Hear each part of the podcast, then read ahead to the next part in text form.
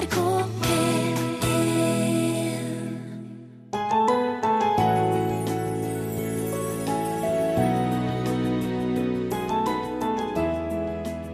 Mellom himmel og jord med Miriam Wiklund.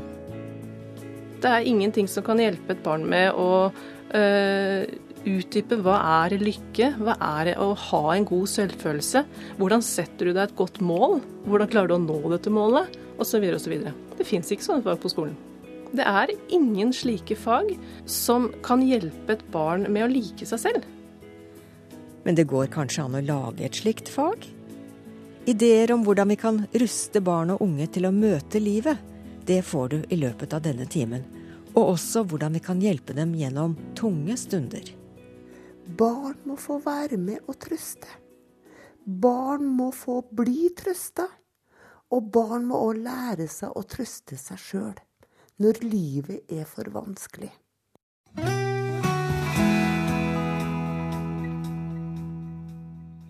Jeg var jo hippie, men nå er jeg happy, holdt jeg på å si. Eh, Jeg var jo av en generasjon da. I 1991 så ble jeg en kristen. Og før det så var jeg sprøytenarkoman. Hva skjedde da Jørn Strand i løpet av et døgn opplevde seg selv som et helt nytt menneske? Historien får du her hos oss, men først til noe ganske annet. Hvordan møter vi barn som er i sorg og krise, og hvordan snakker vi med dem om døden? Det er dette vi skal ta opp nå. Vi åpner med Eli Rygg, som har skrevet mange bøker om vanskelige temaer som angår barn. Ikke uten grunn, for hun har nemlig selv opplevd hvordan det har vært å ha det tungt i ung alder. Nå er jeg ikke psykolog, men jeg har erfaring fra mitt barneliv på hvordan man kanskje ikke skulle gjøre det, så jeg har vært veldig interessert i det med døden. Bare så det er sagt. Jeg bruker å bruke det bildet. Har du noen gang kommet inn i et rom, og der du merker at det er noe ekkelt, selv om du ikke ser hva som har skjedd? Mange barn ser og senser mye mer enn hva du og jeg tror. Jeg tror at alle barn, det de ikke vet, har de vondt av. Det de ikke vet, har de vondt av? Ja, Fordi de merker det på en måte? for de merker det. De merker tisking og hvisking. Jeg husker på når min egen mamma skulle dø. Eh, Da lå jeg i rommet ved siden av. Vi var fire søsken som skulle tre bort. For mamma orka ikke ha alle hjemme på slutten. Jeg var den som skulle være hjemme med døden. Hvor gammel var du? Da var jeg 14. Og jeg husker på gråten til mora mi.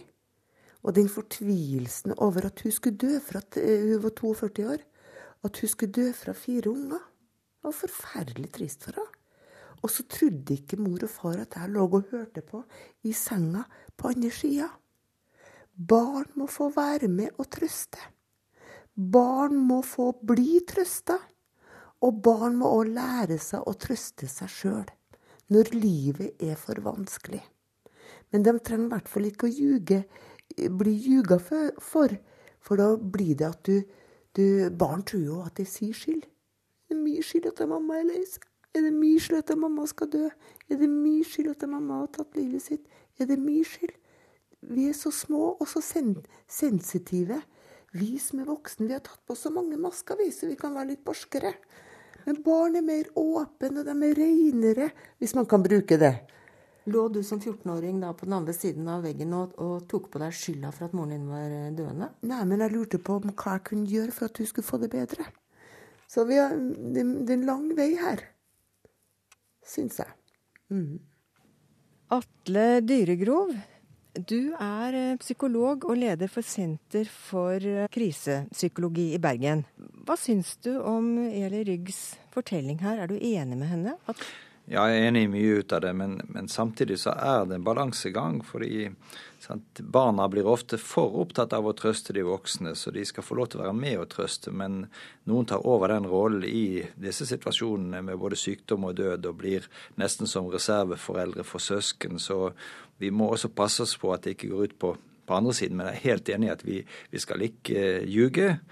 Vi skal forklare. Vi er nødt til å også gjøre voksnes reaksjoner forståelige. Ikke tro at barn ikke opp, fanger det opp. Men barn er også veldig forskjellige, så noen barn er relativt sett lite sensitive for voksenverden når de er så opptatt med sitt, spesielt mange gutter.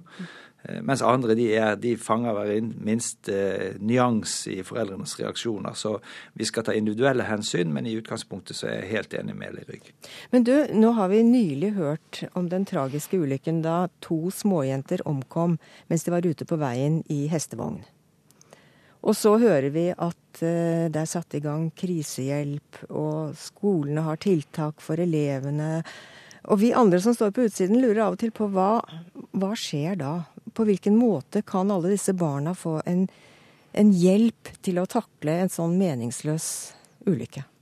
Ja, det viktigste er ofte informasjon, at en får vite om hva som har skjedd, og litt den, i den grad en vet årsaksforholdet, at de blir forklart, at de kan forstå hva som hendte, så, så de ikke blir overlatt til fantasien sin. Altså Akkurat som, som Eli Rygg fortalte om sine fantasier da hun hørte mor gråte om det var hennes skyld, så er det slik med, med fantasiene til barn. De er ofte verre enn virkeligheten. Så det er denne dimensjonen som har med å tankemessig forholde seg til det. Og så er det også å få lov til å sette ord på det og snakke om eh, hvor, hvor redd de er for at noe sånt kunne skjedd med de, eller med noen de var kjent med så, så krisehjelpen består egentlig i å, å gi de mulighetene til å uttrykke, gi de mulighetene for å forstå, og gjøre både voksne og venners reaksjoner forståelige. På hvilken måte går det an å forstå sånne absurde hendelser, da? Plutselig så ja, Å forstå, så tenker jeg ikke i meningsaspekter om, om, på en måte noen dypere mening med det, men jeg tenker å, å forstå rekkefølgen i det. Hva er det som kan forårsake noe sånt? Hva er det som skjer når vi dør? Hvordan skjer det? Altså, det, det er ting som de kan ellers eh, tumle rundt med og lure på. Hvordan, hvordan var det? Og, og faktisk informasjon, det er dempende. Når vi blir urolige, så vet vi at når noen gir oss presis informasjon, ærlig og åpent og direkte, så roer det oss ned, og det gjør at, at det kanskje er den beste måten som vi kan hjelpe de som opplever en krise tett på. Og for en klasse, da? En skoleklasse hvor en, en pult plutselig er blitt tom? Ja, Da kommer vi inn på det med venners sorg, som vi har lite forstått. Vi vi gjør en studie nå hvor vi ser på venner etter 22.07. De, de fleste av de er jo nesten kommet, eller kommet i voksenalder eller sen ungdomsalder. Og da ser vi at de har eh, like sterke reaksjoner som søsken. Så vi har egentlig underkjent eller ikke forstått godt nok hvor, hvor sterkt venner kan reagere. For mange år siden gjorde jeg en undersøkelse i en skoleklasse eh, som hadde mistet en kamerat i en eh, ulykke. og selv etter ni måneder var det rundt en femtedel av elevene som slet så mye at vi ville si at de ville hatt god nytte av å få mer oppfølging. Det å snakke med en voksen hjelper nesten alle. Det å ha alt som er vondt, det blir lettere når du deler det med noen, er den psykologiske tyngdeloven. Og den gjelder. Så det er ikke om å gjøre å på en måte ikke snakke om det? Eh, hvis du møter noen som er i sorg på den måten? Nei, og de fleste som, eh, som, har det vanskelig av barn, de ønsker jo ofte å få lov til å snakke om det. Jeg har satt i dag med flere som har mistet sine, av, som er i ungdomsalderen, og som savner at vennene spør hvordan det går. De sier at de, de mister litt interessen, eller så vet de ikke hva de skal gjøre. Og, og vi trenger, og, og også, også, barn trenger mer kompetanse på hvordan støtter du noen som har det vanskelig i klassen, eller noen av dine venner. For du vet at vi, Ofte så er vi sånn at vi tenker at ja, hvis jeg nevner det der er triste, så, så blir jo den ungen trist igjen. Ja, og det, sant, det, er litt vanskelig å legge ansvaret over på også barna med at de skal si hvordan de vil ha det, men det er faktisk slik at de er, er de som best kan si ønsker du å snakke om det, og det varierer jo fra dag til dag. Og, og lære seg å si hvis det er en dag det ikke passer, eller de syns ikke i dag har de ikke lyst til å snakke om det, si nei, ikke i dag, men jeg vil gjerne at du spør i morgen eller overmorgen. Men hva gir trøst? Ja, trøst kan være fysisk kontakt, det kan være at noen ser deg. Det er det som mange sier at det er så viktig, sånn som i skolen. at Jeg vil ikke at læreren skal si noe hver dag om hvordan har du det, men det å ha et blikk som viser at jeg, jeg vet at dette kan være vanskelig for deg, det kan være nok til å gi deg trøst. Hvis du, hvis du trenger trøst fordi du, du gråter og er lei deg, så vil ofte den fysiske kontakten være viktig. Og også det å, å hjelpe da til å finne måter som du kan, kan, eh, trøste deg selv på. Du kan skrive om det som har hendt, du kan plassere det, du kan gå på et gravsted og tenne et lys. Det er, det er mange forskjellige måter som vi kan finne trøst. Mm. Hender det at man kommer eh, hverandre nærmere gjennom en slik sorg? Jeg tenker på en sånn skoleklasse.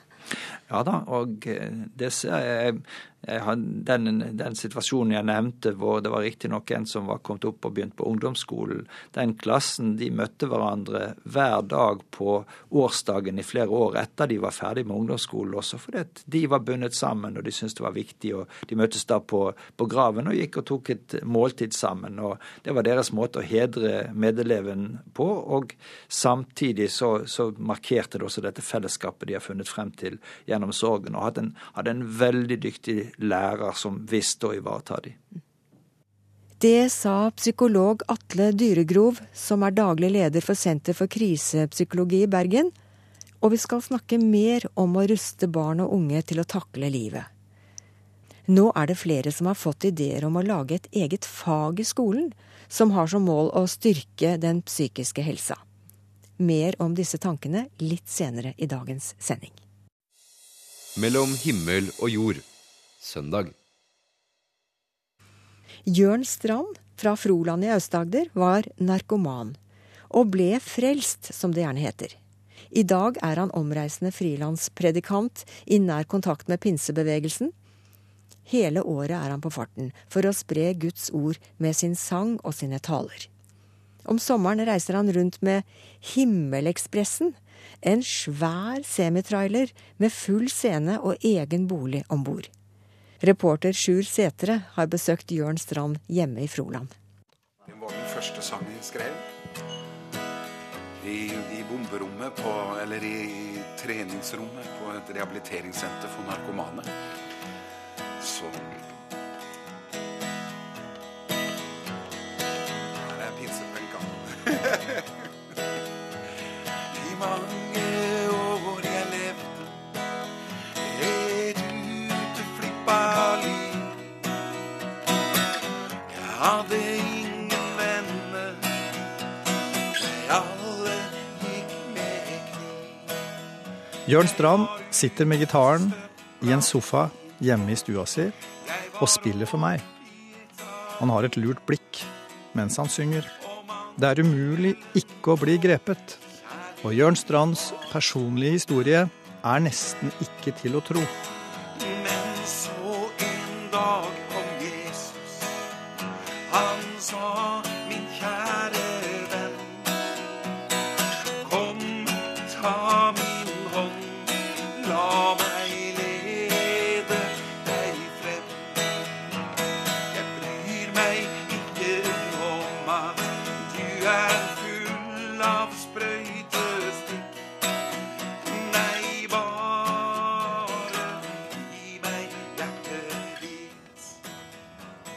Timer tidligere inne på et industriområde i Froland.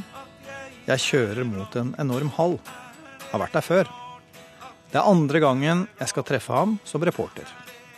Jeg ville dødd, Sjur, hvis Gud ikke hadde kommet og berget meg. Det fortalte han meg sist gang vi møttes. Hallen er ny siden sist. Det var ikke småtterier, da? Nei, det er vel en eh, 1620 kvadrat dette er til sammen nå. Skal du med alt dette her, da? Nei, vi må ha et sted å oppbevare kollektene våre. Nei da. Jeg trodde på deg. Ja. Nei da, du. eh, Her blir det eh, kontorer. Eh, og så blir det film, filmstudio her inne. Vi skal filme, produsere kristne programmer. Og hele tiden så er det da forkynneren, Jørn Strand, som, som skal være i, i de filmene. Det blir mye det. Eh, vi, har, vi har liksom en tanke om å prøve å gjøre evangeliet forståelig. Sånn for vanlige folk som liksom ikke kan Bibelen sin, også at de skal forstå liksom hva vi holder på med.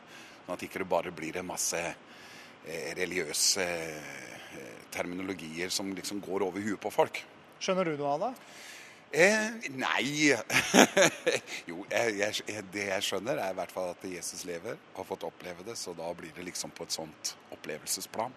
Ja, ikke bare et teologisk plan, men også eh, inn i hverdagen.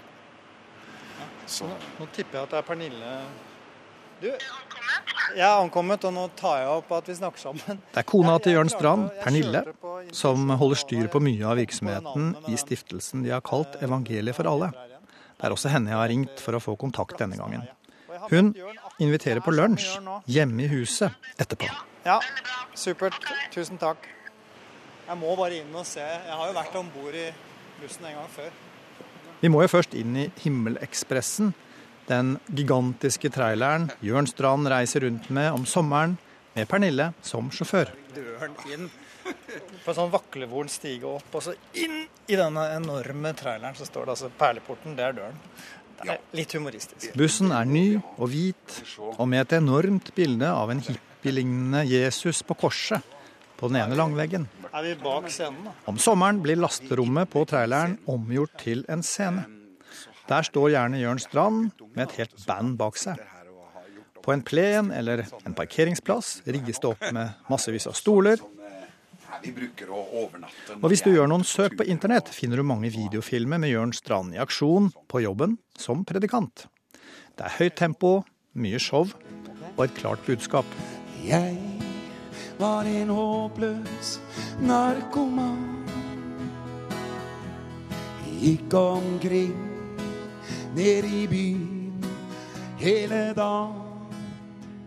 Det er jo nesten forferdelig at verden har jo tatt og knabba de beste sangene. Det skal bli liv, synger de. Og det er jo vi som skulle profetert. Her skal bli liv! Halleluja. Og her er liv, fordi Jesus er livet. Det er han som er livet, som vi synger om. I mange år jeg levde du til liv. Er du stolt av Jørn, av det du har fått til? Du vet, jeg, har kanskje ikke tenker sånn. Jeg bare, jeg bare står på, jeg. Vi bare går på med det en har i hjertet. Og så, og så blir, har det blitt til eh, liksom litt etter litt over mange år. Nå er det jo 20 år sia jeg ble en kristen. Og vi begynte vel med dette konseptet med Himmelekspressen i Vi kjøpte vel den første traileren i 94. Og begynte å reise i 96. Og siden så har det liksom bare balla på seg. Ja. Det er jo ikke noe selvfølgelighet at du står her som en eh, edru mann, da, og virkelig får det til. eh, Og reiser rundt og, og sprer det du tror på. Fortell hva som skjedde med deg. Nei, det var vel Du snakka om hippie her i stad, men eh, jeg var jo hippie. Men nå er jeg happy, holdt jeg på å si. Jeg var jo av en generasjon da. I 1991 så ble jeg en kristen. Og før det så var jeg sprøytenarkoman. Eh, Ti års periode med, med, med rusmisbruk. Og eh, så ble jeg lei av det. Det kom Det klabba seg til. Det blei rett og slett eh, uholdbart. Og da vendte jeg blikket oppover og ba en bønn og fikk eh, oppleve kraften i evangeliet, som ikke er så mye snakka om i Norge. Det er liksom mye snakka om teologiske og Altså, skal jeg si det religiøse, da. Mer ramma rundt. Men jeg fikk oppleve virkelig kraft i evangeliet som satte meg helt fri. Ja, Beskriv hva, hva du opplevde. Eh, akkurat idet jeg ba eh, Jesus om å tilgi alt det gærne jeg hadde gjort, eh, var det ei dame som leda meg i frelsesbønn. Det var søstera til han som var kommunalminister, Gunnar Berge. Han har ei søster som heter Selma Berge, og hun ba meg til frelse. Og idet vi ba den bønnen, så var det som om hele himmelen bare åpna seg. Og da i form av at det ble fylt med en usigelig glede. En, en voldsom fred og en kjærlighet som bare fylte hele hjertet mitt og kroppen og alt, så håra sto rett opp. vet du. Og jeg bare var fullstendig overbevist om at Jesus lever. For det var på, på det åndelige, kan du si, en åndsopplevelse så sterk. Og den varte hele, hele natta til langt ut på morgenkvisten. Og, og, og en, en gudsbevissthet som bare feide all tvil bort. Det var ikke noe sånn mental bestemmelse, men det var en åndelig opplevelse, vil jeg si. Men Hadde du vært i nærheten av tro før? Aldri. Jeg hadde lite godt i kristendom på skolen. Jeg var vel mer i det der skole, skolelyset som aldri ble tent. og hjemme var det mer fyll og slagsmål og, og, og, og spetakkel, som var en del av barndommen og oppveksten. Så jeg hadde ingen, ingen peiling på dette i det hele tatt. Men hva med mm, rusbehovet, da? Du sier jo at du var narkoman. Altså, Kan man bare slutte sånn Eh, Pling. Nei, jeg, jeg har jo mange venner som har prøvd på det. Eh, Men, men det skjedde bare noe i det jeg ble fylt med denne gleden og, og freden og kjærligheten. Eh, siden den gangen så har jeg aldri hatt rustrang. Og noen syns nesten det har gått litt for langt, for jeg har ikke drukket en pils engang på 20 år, vet du. Men det er ikke noe savn heller, da. Så det er ikke noe sånn eh, pekefinger og fikk og fy og kan ikke, smak ikke og rør ikke. Men bare det behovet er rett og slett bare helt borte, altså. Vi setter oss inn i varebilen han bruker når han reiser rundt alene for å forkynne på vinterstid. Himmelekspressen, frivillige hjelpere. Det er sommeren for Jørn Strand. Om vinteren er det solo med gitaren til små menigheter. Snart er det mat hjemme på kjøkkenet. Jeg ba jo, jeg kan jo forklare, jeg ba til Gud, husker jeg, tre måneder før jeg ble en kristen.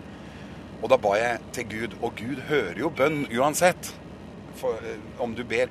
Men det står i Bibelen at det, det, er liksom, det er Jesus som er kontaktpunktet. Ingen kommer til Faderen uten gjennom Sønnen, står det. Og på en måte, Men du, du, Gud hører bønn allikevel. Men kontakten oppstår i, i, i Jesu navn, kan du si. Det som skjedde på korset, det er kontaktpunktet mellom himmel og jord. Og det var når jeg ropte på Jesus, da skjedde det noe. Kan, jeg tror du kan rope på alle mulige slags navn. Rødhet og Ulven eller eh, Fantomet eller Tarzan. Det er bare eventyrfigurer, og det skjer ikke noe i, i de navna. Men når du påkaller Jesu navn, da er hele verden full av vitnesbyrd om mennesker i Afrika, Russland, overalt som har samme opplevelsen av denne usigelige gleden og freden og kjærligheten som en blir fylt av når en kommer til, til, Jesus. Du sa jo at du var lei av å dope deg, lei av å ruse deg. Altså, det kan ikke ha vært noe så enkelt at det var din egen indre kraft da, som bare Altså at det, var, at det var noe i deg. Du er jo helt overbevist om at det ikke var det, men, men jeg skjønner ikke forskjellen. Nei, du kan jo si det at vi, følelsesregisteret, det er jo i, i oss. Eh, men eh, Den hellige ånd berører følelsene våre, selvfølgelig. Eh, så jeg er jo eh, overbevist ut ifra at det, En ting var jo at jeg ble fylt med glede, men, men noe av den, den atmosfæren, vet du ikke sant? Det er atmosfære som fylte hele rommet. Jeg husker hun også som ba meg sa det at nei, Jesus, nå, nå, nå vet jeg ikke om jeg orker mer, sa hun. For det var så, det var så sterkt.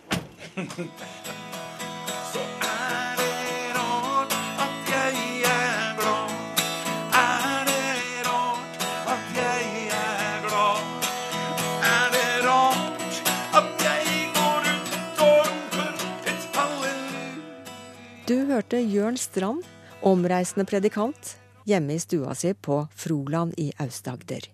Og sammen med ham reporter Sjur Setre.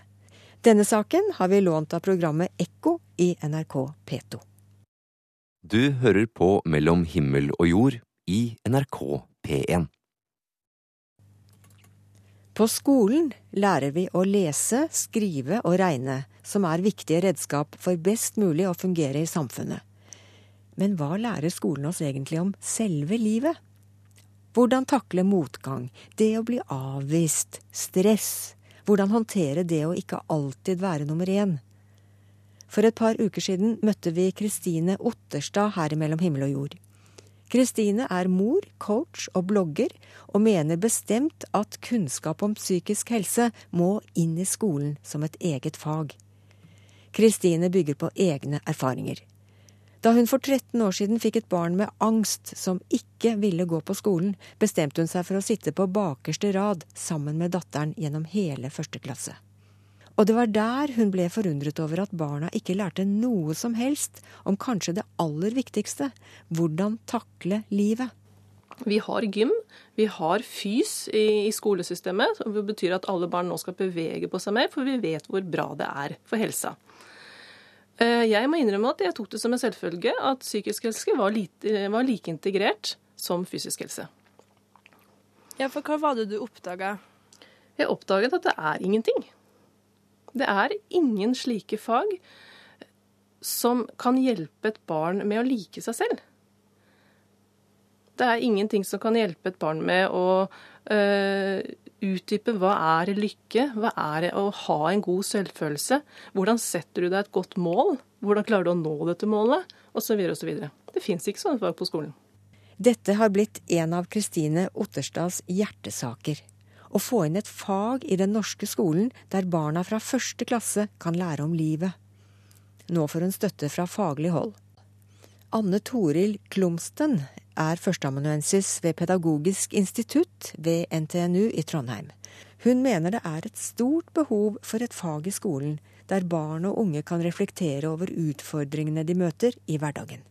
Generelt så kan vi jo se at samfunnet har en sånn dreining mot det prestasjonsorienterte. Det er veldig viktig å ha gode prestasjoner. Eh, det fører bl.a. til at eh, mange ungdommer kan oppleve at de stiller høye krav til seg sjøl, og at de opplever at det er forventninger fra andre.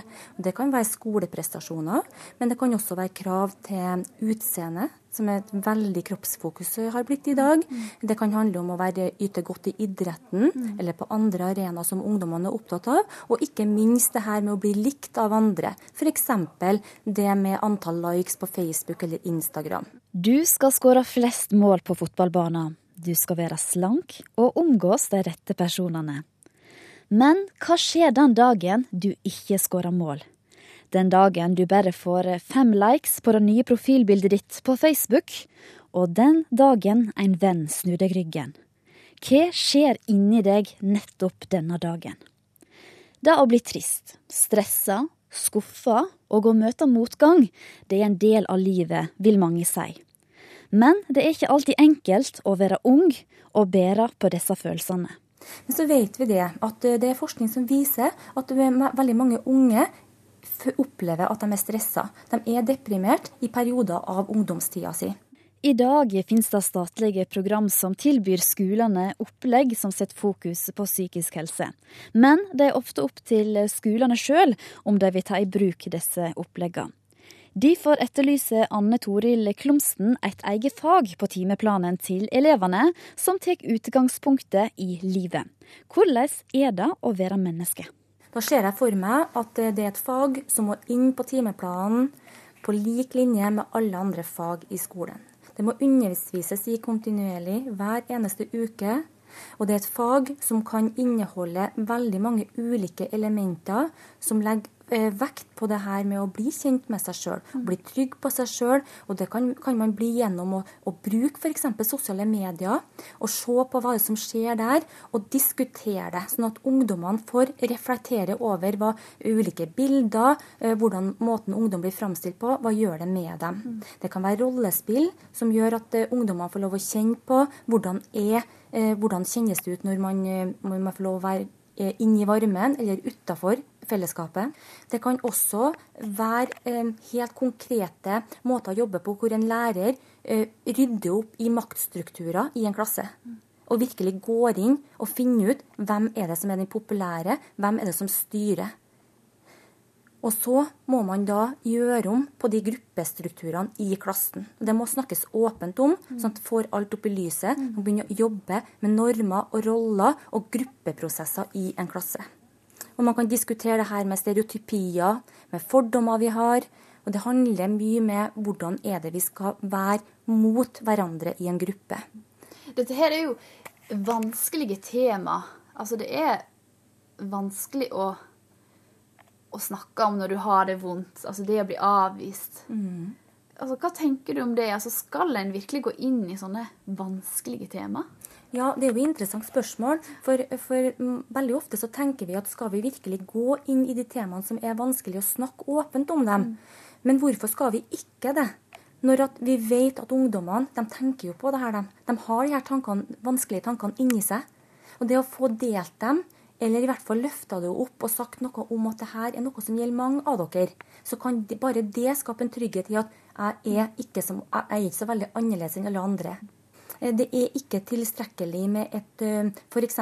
åtteukers program eller et program om sosiale, sosial kompetanse som varer i f.eks. tre måneder. Det blir ikke bra nok. Vi kan se for oss at elevene har blitt utstyrt med et kurs i matematikk over tre måneder. I hvor stor grad er de da dyktige til å kunne bruke den matematikkompetansen sin? Sånn at det her må være kontinuerlig undervisning over tid, mm. og som stiller på lik linje med alle andre fagene. Men er dette her virkelig skolens oppgave? Har ikke vi psykologer som kan ta seg av dette her? Eh, mm, eh, skolen den er den rette arenaen nettopp fordi at det er her vi treffer alle elevene. Og ikke bare det, vi treffer dem samla. Det er her vi kan løfte opp de temaene som er felles for hele gruppa. Og det her igjen, det er snakk om forebygging. Det er ikke snakk om det at man skal være psykologer, for det er de profesjonelle for. Så det her er snakk om at uh, lærere som har en utdannelse, det betyr at de også må få kompetanse gjennom sin utdanning, er i, i stand til å være rusta til å kunne undervise i disse temaene med ungdommene. Jeg tenker på de som rammes av psykiske helseproblemer. Halvparten av oss blir rammet i løpet av livet. Dette er en av våre store folkesykdommer. Også statsminister Erna Solberg setter fokus på psykisk helse i nyttårstalen. Det syns det Anne Toril Klomsen er gledelig, og har store forventninger til den nye regjeringa. Jeg syns jo det er fantastisk at hun vektlegger så sterkt, og også at hun vektlegger det forebyggende perspektivet, og at det gjelder alle. Eh, og når hun sier det at det er veldig mange voksne som sliter i løpet av livet sitt, så er det helt klart, og vi, vi må se viktigheten av å begynne veldig tidlig. Mellom himmel og jord har vært i kontakt med kunnskapsminister Torbjørn Røe Isaksen for en kommentar, men han hadde ikke mulighet til å stille til intervju. Det har derimot stortingsrepresentant Kristin Vinje fra Høyre. Hun sitter i utdanningskomiteen. Ja, Som Erna Solberg påpekte i nyttårstalen, så er det viktig at vi tar eh, hele dette, alvoret, hele dette problemet på alvor. Men hva tenker du konkret om dette forslaget om et eget fag i skolen? Eh, jeg, jeg vil heller begynne i en annen ende. Altså Psykisk helse det er jo et tema som i dag berøres i flere fag i skolen. Uh, og det finnes jo allerede en tilskuddsordning, en tilskuddsordning for psykisk helse i skolen, hvor uh, organisasjoner kan få støtte til det programmet som retter seg inn mot å øke elever og lærers kunnskap og forståelse for psykisk helse. Så jeg tror uh, det også er viktig å være klar over at man må jobbe både forebyggende, men også på, på, på hjelpetilbudet. Så det å på en måte jobbe gjennom undervisningen med å sørge for at barn opplever mestring i enda større grad gjennom hele skoleløpet, uh, tror jeg er et vel så viktig fokus fremover. Uh, så du tenker da på mer en sånn uh, integrert At psykisk helse blir integrert i de ulike fag? Ja, jeg tror kanskje det er mer veien å gå. Ja, Så sånn jeg forstår det, så, så er ikke et eget fag i skolen løsninga sånn som du ser det?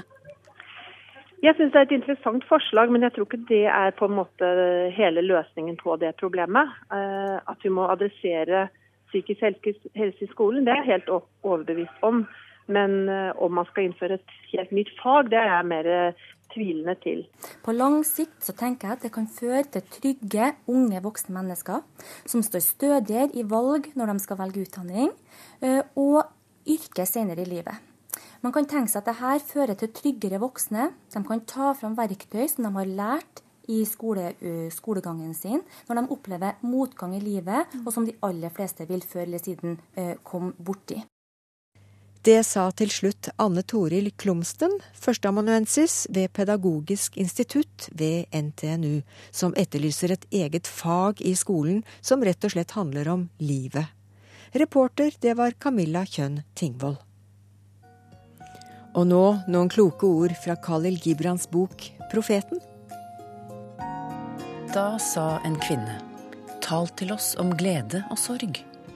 Og han svarte, din glede er din sorg uten maske. Og den samme brønnen som din latter stiger opp fra, ble ofte fylt med tårer. Og hvordan kunne det være annerledes? Jo dypere sorgen trenger inn i deg, jo større glede kan du oppnå. Når du er lykkelig, skal du se dypt inn i ditt hjerte, og du vil oppdage at bare det som har gitt deg sorg, kan gi deg glede.